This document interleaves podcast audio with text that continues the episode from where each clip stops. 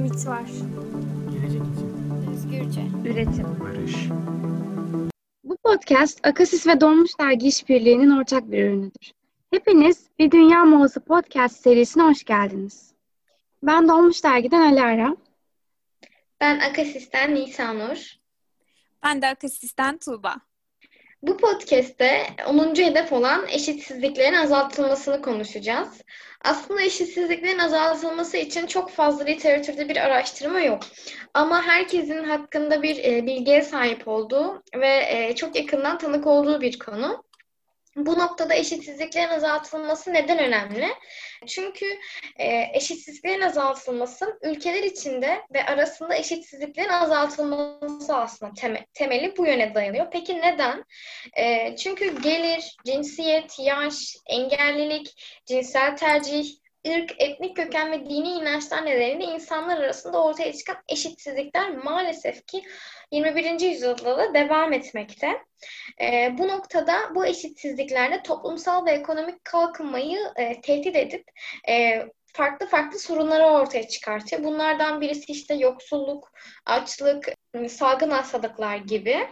E, peki eşitsizliklerin e, yarat etkiler nelerdir? Mesela e, küresel amaçların bir e, araştırmasında belirtiliyor ki tahminen 5 yaş altı 69 milyon çocuk aslında önlenebilir nedenlerden dolayı yaşamını yitirecek. Yani bu ne demek? Aslında bu çocukların 69 milyon çocuğun hayatına devam edebilme ihtimali varken yaşayacak bir nefesi olmasına rağmen e, herhangi bir nedenden dolayı yani e, işte cinsiyet, ırk, cinsel tercih, etnik köken, dini inanç nedeniyle bir ayrımcılığa maruz kalıp bu eşitsizlik sonucunda da hayatına veda edecek.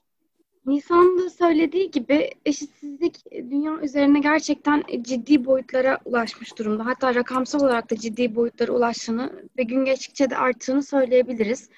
E, bu noktada 21. yüzyıl kriterlerini sağlamıyor olmamız gerçekten çok büyük bir ayıp diye düşünüyorum. E, rakamsal olarak baktığımızda dünyanın en zengin e, bölümüne yer, alan %10'luk kesim toplam küresel gelirin yaklaşık %40'ını harcıyor ve bu gerçekten çok büyük bir rakam. Yoksulluk derecesine baktığımızda da dünyanın en yoksul %10'luk kesiminin ise karşıt olarak gelirin toplam gelirin %2'lik ve %7'lik kısmına tekabül eden bir kısmını kullanabildiğini söyleyebiliriz. E, bu noktada da çok yoksul diye nitelendirdiğimiz kesimler, özellikle bazı Afrika ve Doğu ülkeleri e, şu anda temel ihtiyaçlarını karşılayabilecek gelir seviyesine dahi ulaşamıyor ve Nisan'ın da belirttiği gibi küçük çocuklar başta olmak üzere daha çok e, yardıma ve besine muhtaç küçük çocuklar başta olmak üzere ölüm derecesine varabilecek e, seviyelerde bir eşitsizlikten bahs- bahsediyor haldeyiz günümüzde. Bu gerçekten çok vahim bir durum. E, bu noktada birkaç filme atıf yapmak istiyorum. Gerçekten hani 2020 e, yılında çıkan bazı filmler toplumun ne kadar ne derecede eşitsizlik yaşadığını temel ihtiyaçlara ulaşma noktasında gerçekten iyi gösterdiğini düşünüyorum ve günümüzdeki kapitalizm sistemini de oldukça iyi ortaya seren filmler bunlar. Bunlardan bir tanesi platform filmi. Belki izlemişsinizdir arkadaşlar. E, platform filminde gerçekten toplumdaki besin üzerinden gidilerek toplumdaki gelirin insanlara nasıl yayıldığını ve zengin insanların gelirin büyük bir kısmını kendine ayırmak suretiyle toplumun alt tabakalarına doğru gidildiği zaman insanlara hiç besin kalmadığı üzerine çekilmiş bir film, bir İspanyol filmiydi ve çok başarılı buldum. Bununla birlikte mutlaka hepimizin duymuş olduğu bir Kore filmi de var. Parazit e, filmi. Umarım doğru telaffuz etmişimdir. Parazit filminde de fakir bir ailenin çeşitli e, yollarla zengin bir ailenin yanında çalışmaya başladığını görüyoruz. İlk başta fakir bir ailenin zengin bir aileyi dolandırması gibi gözüken bu filmde aslında çok duygusal sahneler olduğunu düşünüyorum. Ve zenginlerin dertlerinin e, neler olduğu ve fakirlerin bunların karşısındaki dertlerinin neler olduğu, zenginlerin dertlerinin ne kadar belli noktalarda ne kadar e, zayıf kaldığı fakirlerin yanında gösteriliyor. Belki hani fakir kavramını kullanmakta doğru değil arkadaşlar.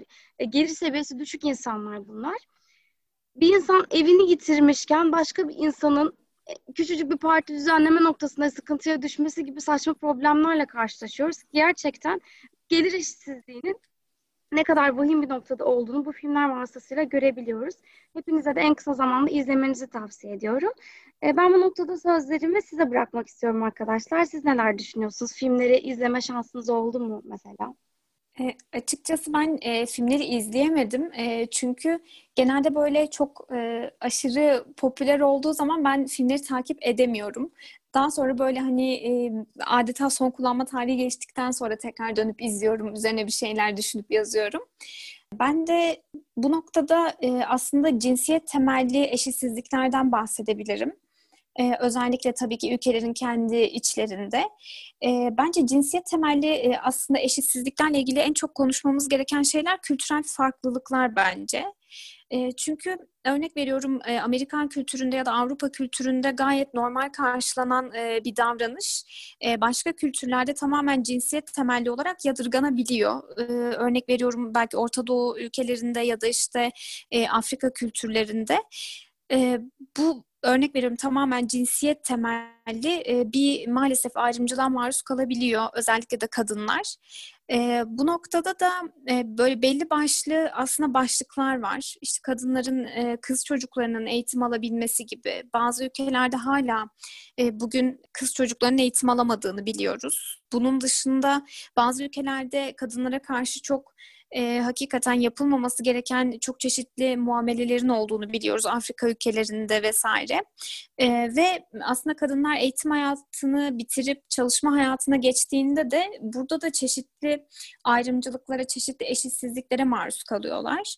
Bunlardan biri gelir eşitsizliği maalesef. E, tamamıyla aslında erkek bir işte arkadaşıyla çalışan işte aynı ekipte diyelim çalışan bir kadın ve bir erkek var. E, ikisi aslında aynı yeteneklere sahip, belki işte aynı arka plana sahipler. Eğitimleri de belki aynı ama kadın erkekten daha az maaş alıyor. Ya da işte bunu e, anlatmaya, duyurmaya çalıştığında biz belki o kişiyi duyamayabiliyoruz. E, yani cinsiyet temelli eşitsizlikler bugün hala hayatın her yerinde maalesef ve e, ülke fark etmeksizin az bile olsa Avrupa ülkelerinde dahi bu görülebiliyor. E, bunun dışında bir de ırk temelli bir takım eşitsizlikler var yine ülkeler içerisinde. Bunun da aslında e, yine en güzel örneklerinden biri güncel olaylardan biri olan George Floyd olayı.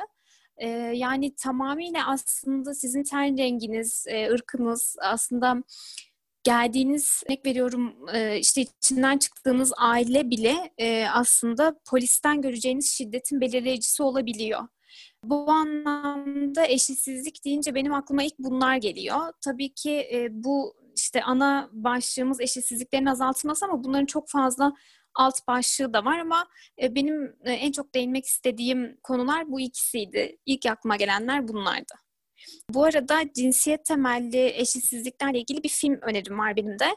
E, bir İran yapımı filmden bahsetmek istiyorum. Sib filmi, Elma filmi.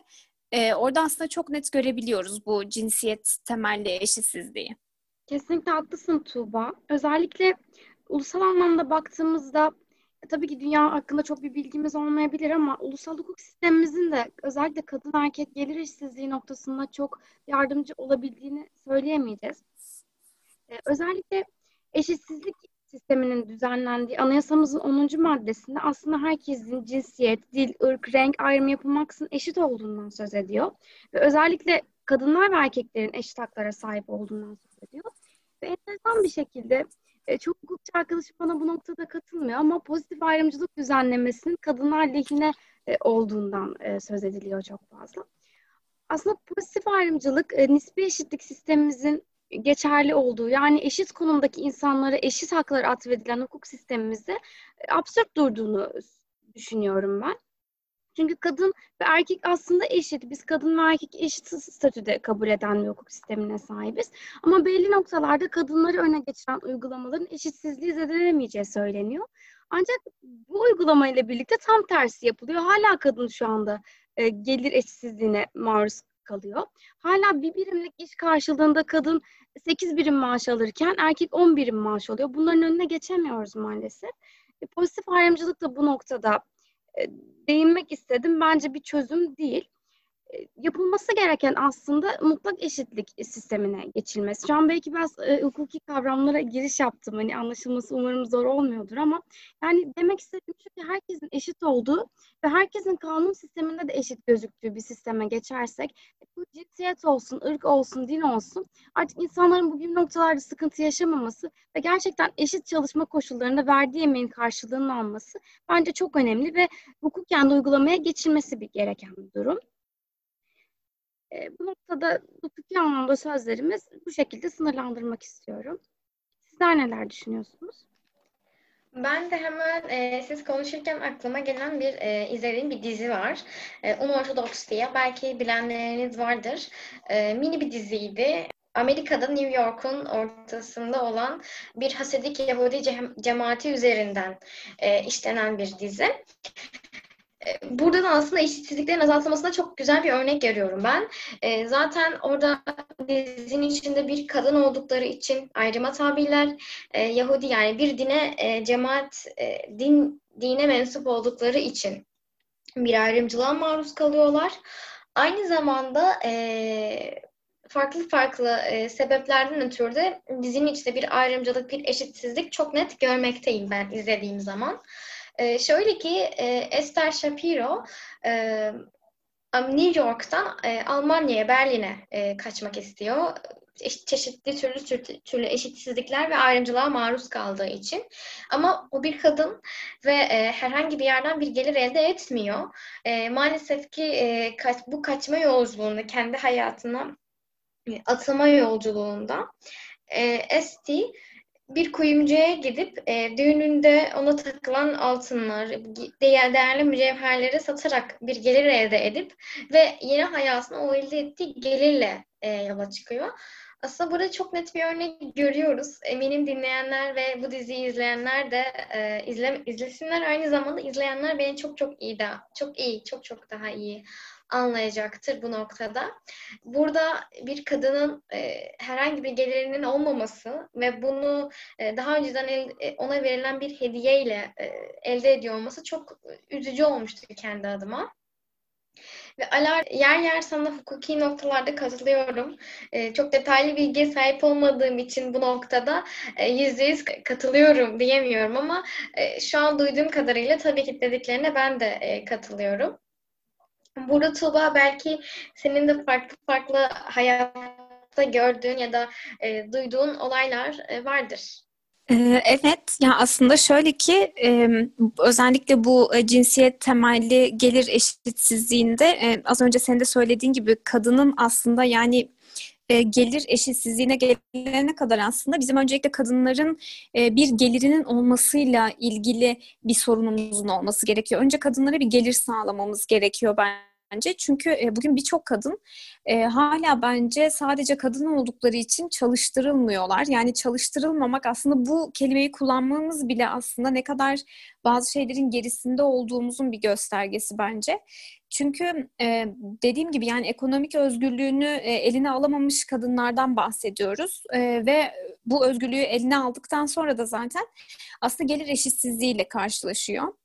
Ve e, zaten aslında şöyle bir arka plana baktığımız zaman da o kadın aslında e, yani okul sıralarından geçerken de işte eğitim hayatında da işte o e, eğitim hayatına başlarken de aslında e, birçok sıkıntının içerisinde oluyor. Yani örnek veriyorum e, eğitim hayatında sadece e, kadın olduğu için e, bir takım e, sıkıntı larla e, bir takım zorluklarla zaten yüz yüze geliyor. E, bunun içerisinde çok farklı şeyler var. İşte taciz olabilir, e, yani tamamen cinsiyet temelli işte e, hocalardan gelen, öğretmenlerden gelen farklı yaklaşımlar olabilir. Üstelik e, bu noktada hani eğitim noktasında da bir bence ayrı bir başlık açabiliriz.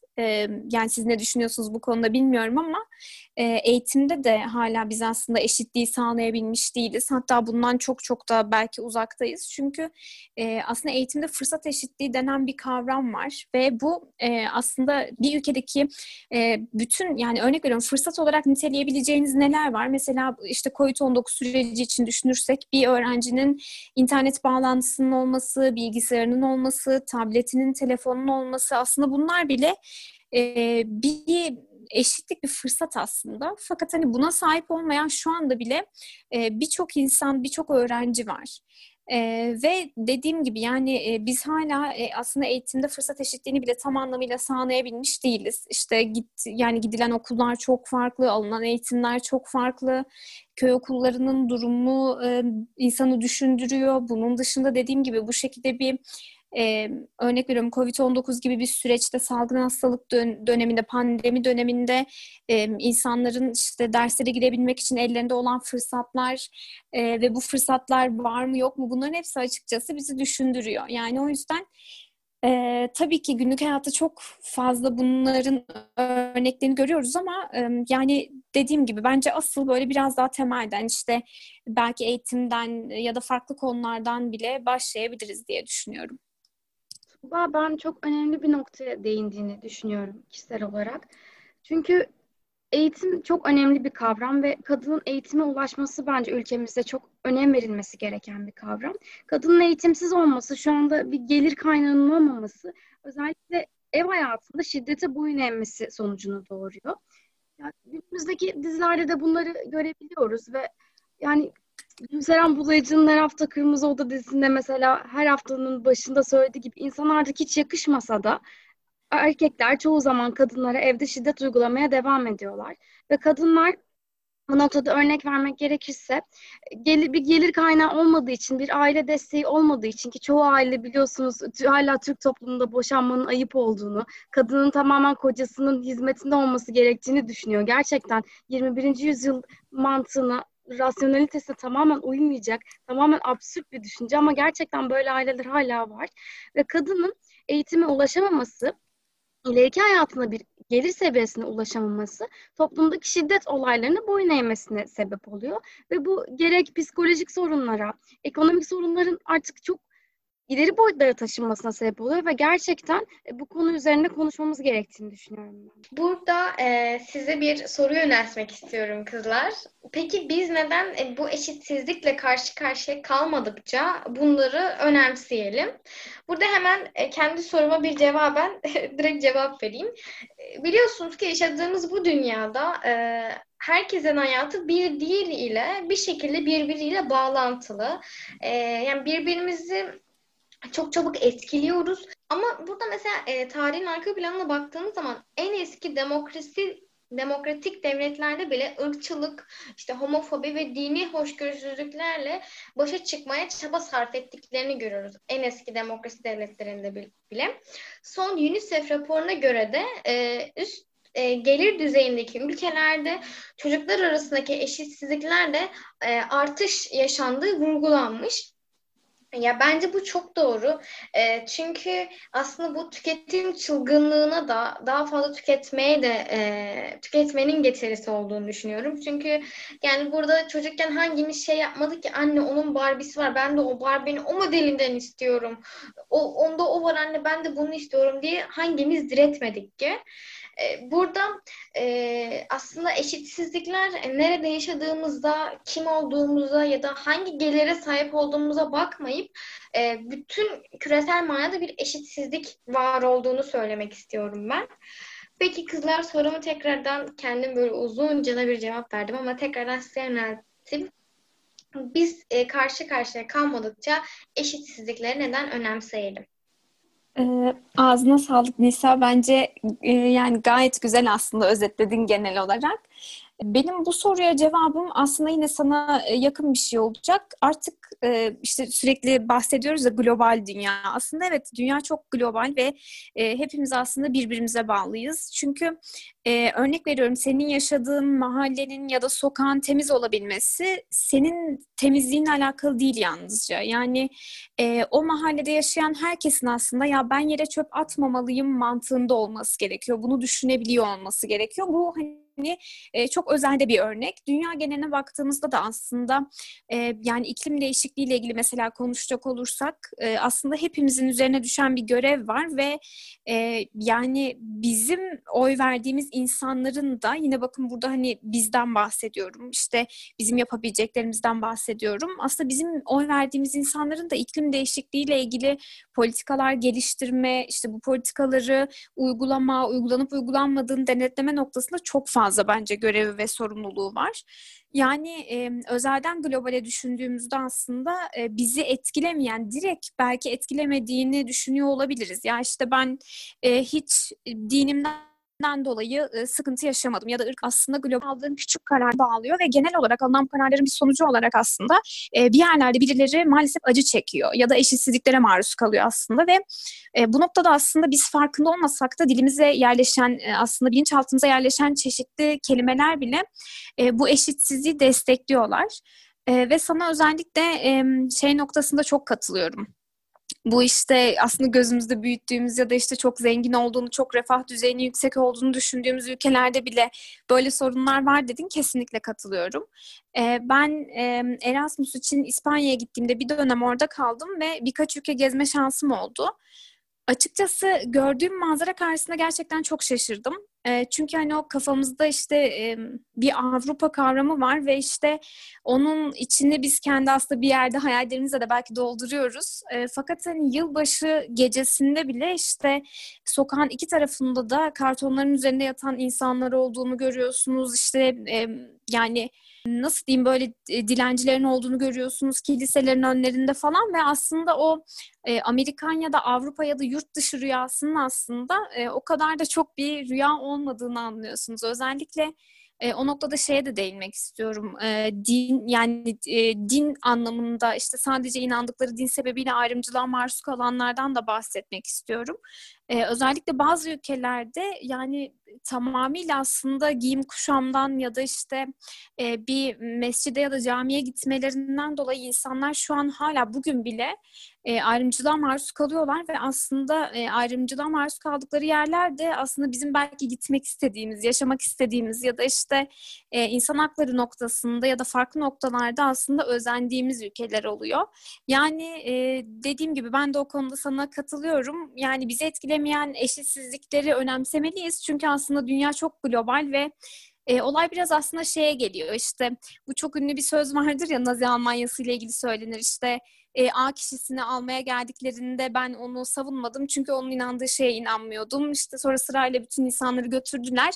Beni almaya geldiklerinde kimse kalmamıştı gibi bir söz var. Şu an söz tam hatırlamadığım için biraz karıştırdım ama e, tam olarak aslında böyle bir durumdan bahsediyoruz. Yani birileri için ayağa kalkıp sesini çıkarmazsan seni almaya geldiklerinde de sesini çıkaracak kimse kalmayacak. Ben böyle düşünüyorum. Burada kesinlikle Tuğba sana en kalbi duygularımda selamlarımı iletiyorum ve e, yani o son cümlen aslında çok net e, bu hedefin e, neden e, bizi ilgilendirdiğini ifade ettiğini düşünüyorum. Ama tabii ki de burada fikirlerini dinlemek istediğim bir isim Alara. Alara sen ne dersin? Neden e, bizi ilgilendirir? Ya benim fikrim de şu ki biz toplum olarak aslında domino taşları gibi yaşıyoruz. Yani e, bir toplumda meydana gelen bir değişikliğin bireysel olarak bizi etkilememesi neredeyse imkansız. E, fiziksel olarak etkilemese de mutlaka psikolojik olarak etkileyecektir. Çünkü bir noktadan sonra vicdan kavramı da devreye giriyor. Yani ben bunu hissediyorum. Mesela bir, e, Tuğba mı söylemişti? Sokakta yatan bir insan gördüğüm zaman açıkçası benim İçim acıyor gerçekten. O da insan, ben de insanım. Aslında bizim ne farkımız var ki? Sadece onun fırsatı yok. Sadece erişim imkanı yok, parası yok.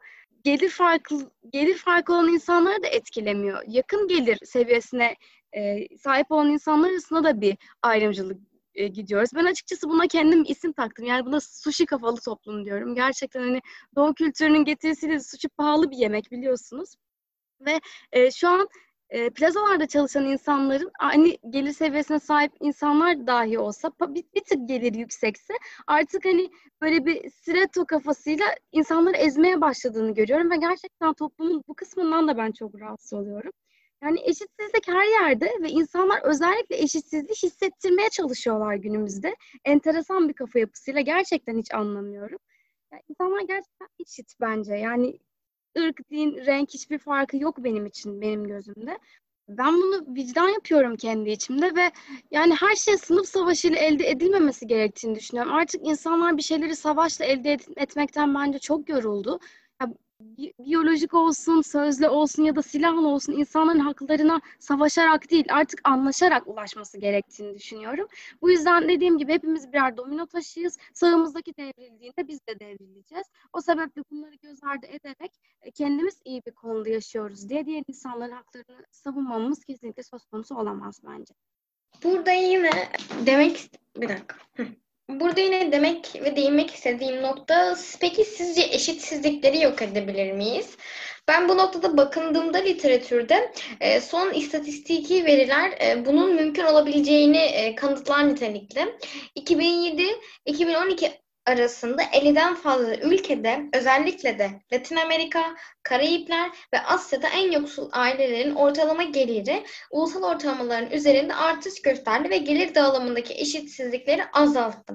Yani bu noktada istatistiki olarak baktığımızda da eşitsizlikleri yok etme noktasında e, insanlar eğer e, bu amaç doğrultusunda çalışsa, çaba sarf etse, e, özellikle devlet politikaları buna yönelik hareket etse e, ortadan kaldırılabileceğini e, görüyoruz. Aynı zamanda neler yapılabilir noktasında da bir şeyler söylemek istiyorum ben.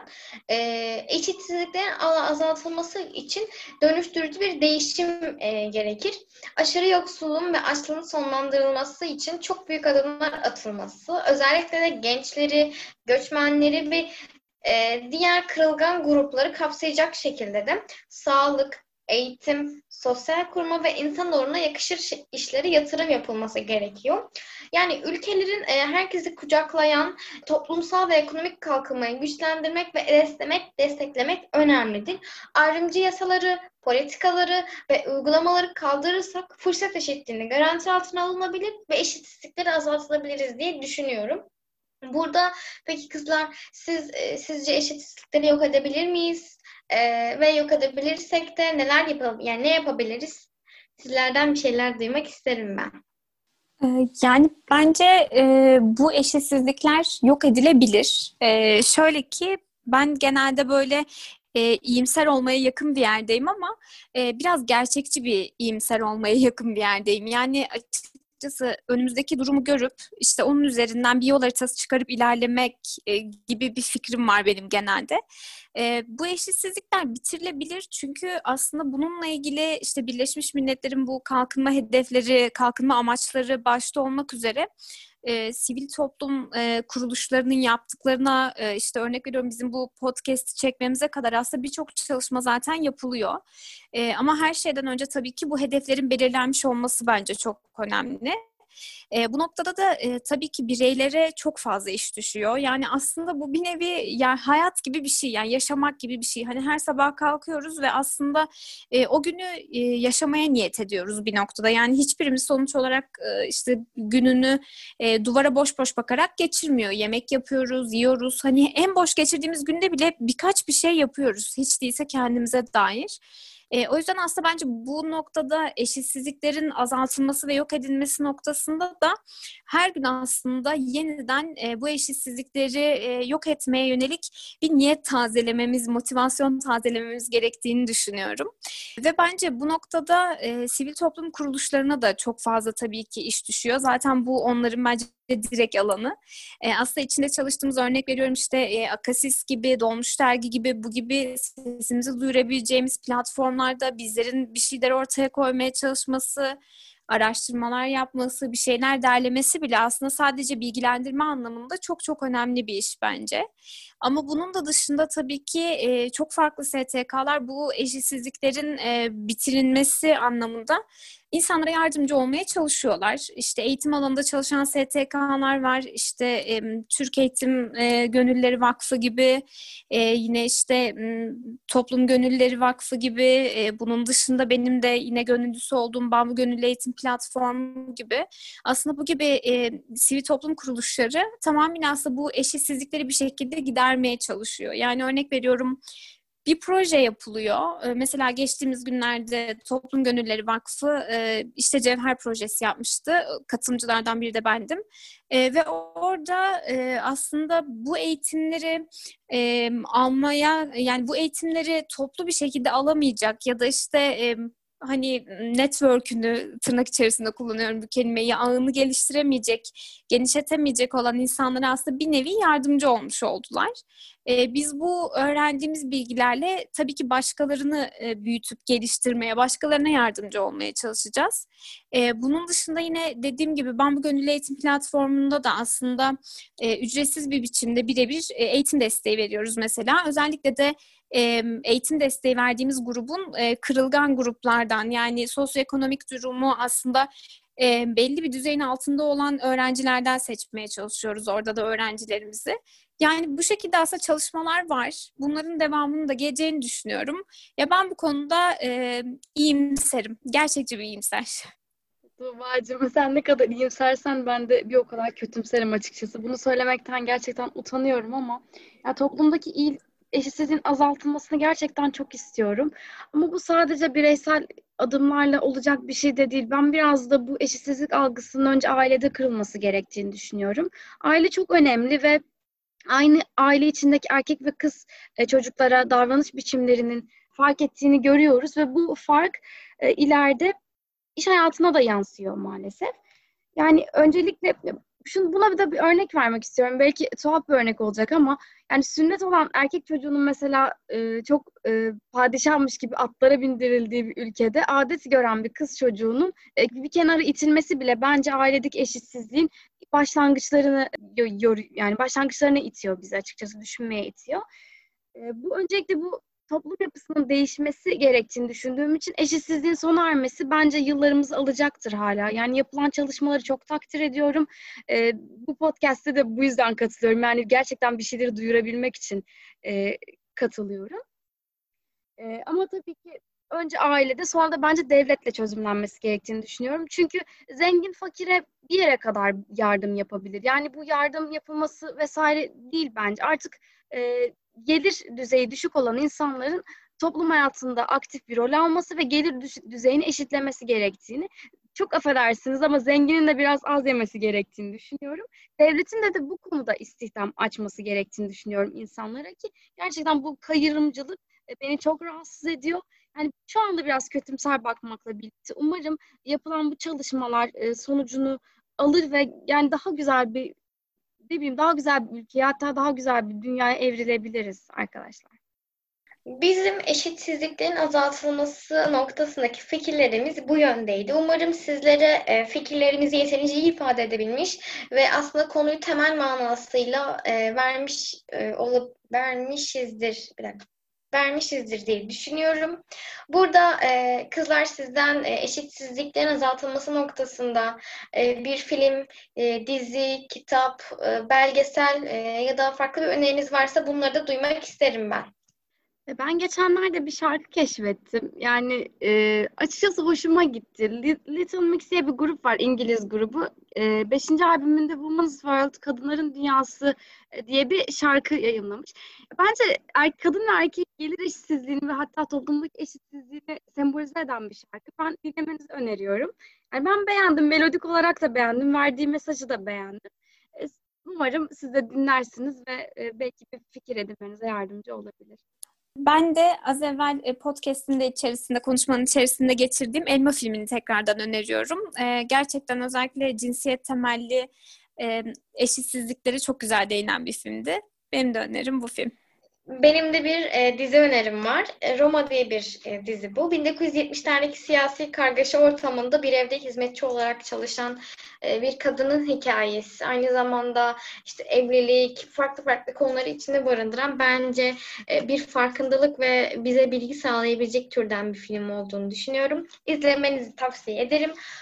Bu noktada 11. hedefimiz olan Sürdürülebilir Şehir ve Yaşam Alanları podcastimizde bir sonraki hafta yayınlanacak. Bizi takip etmeyi unutmayın. Fikirlerinizi ve geri dönüşlerinizi Instagram adresimiz Akasis Doğmuş Dergi'nin Doğmuş Dergi Instagram adresinden bizlere ulaşmanızı ve diğer e, sosyal medya hesaplarımızdan bize ulaşmanızı isteriz. Kendinize çok dikkat edin. Ben Nisanur. Görüşmek üzere. Görüşmek üzere. Görüşmek üzere.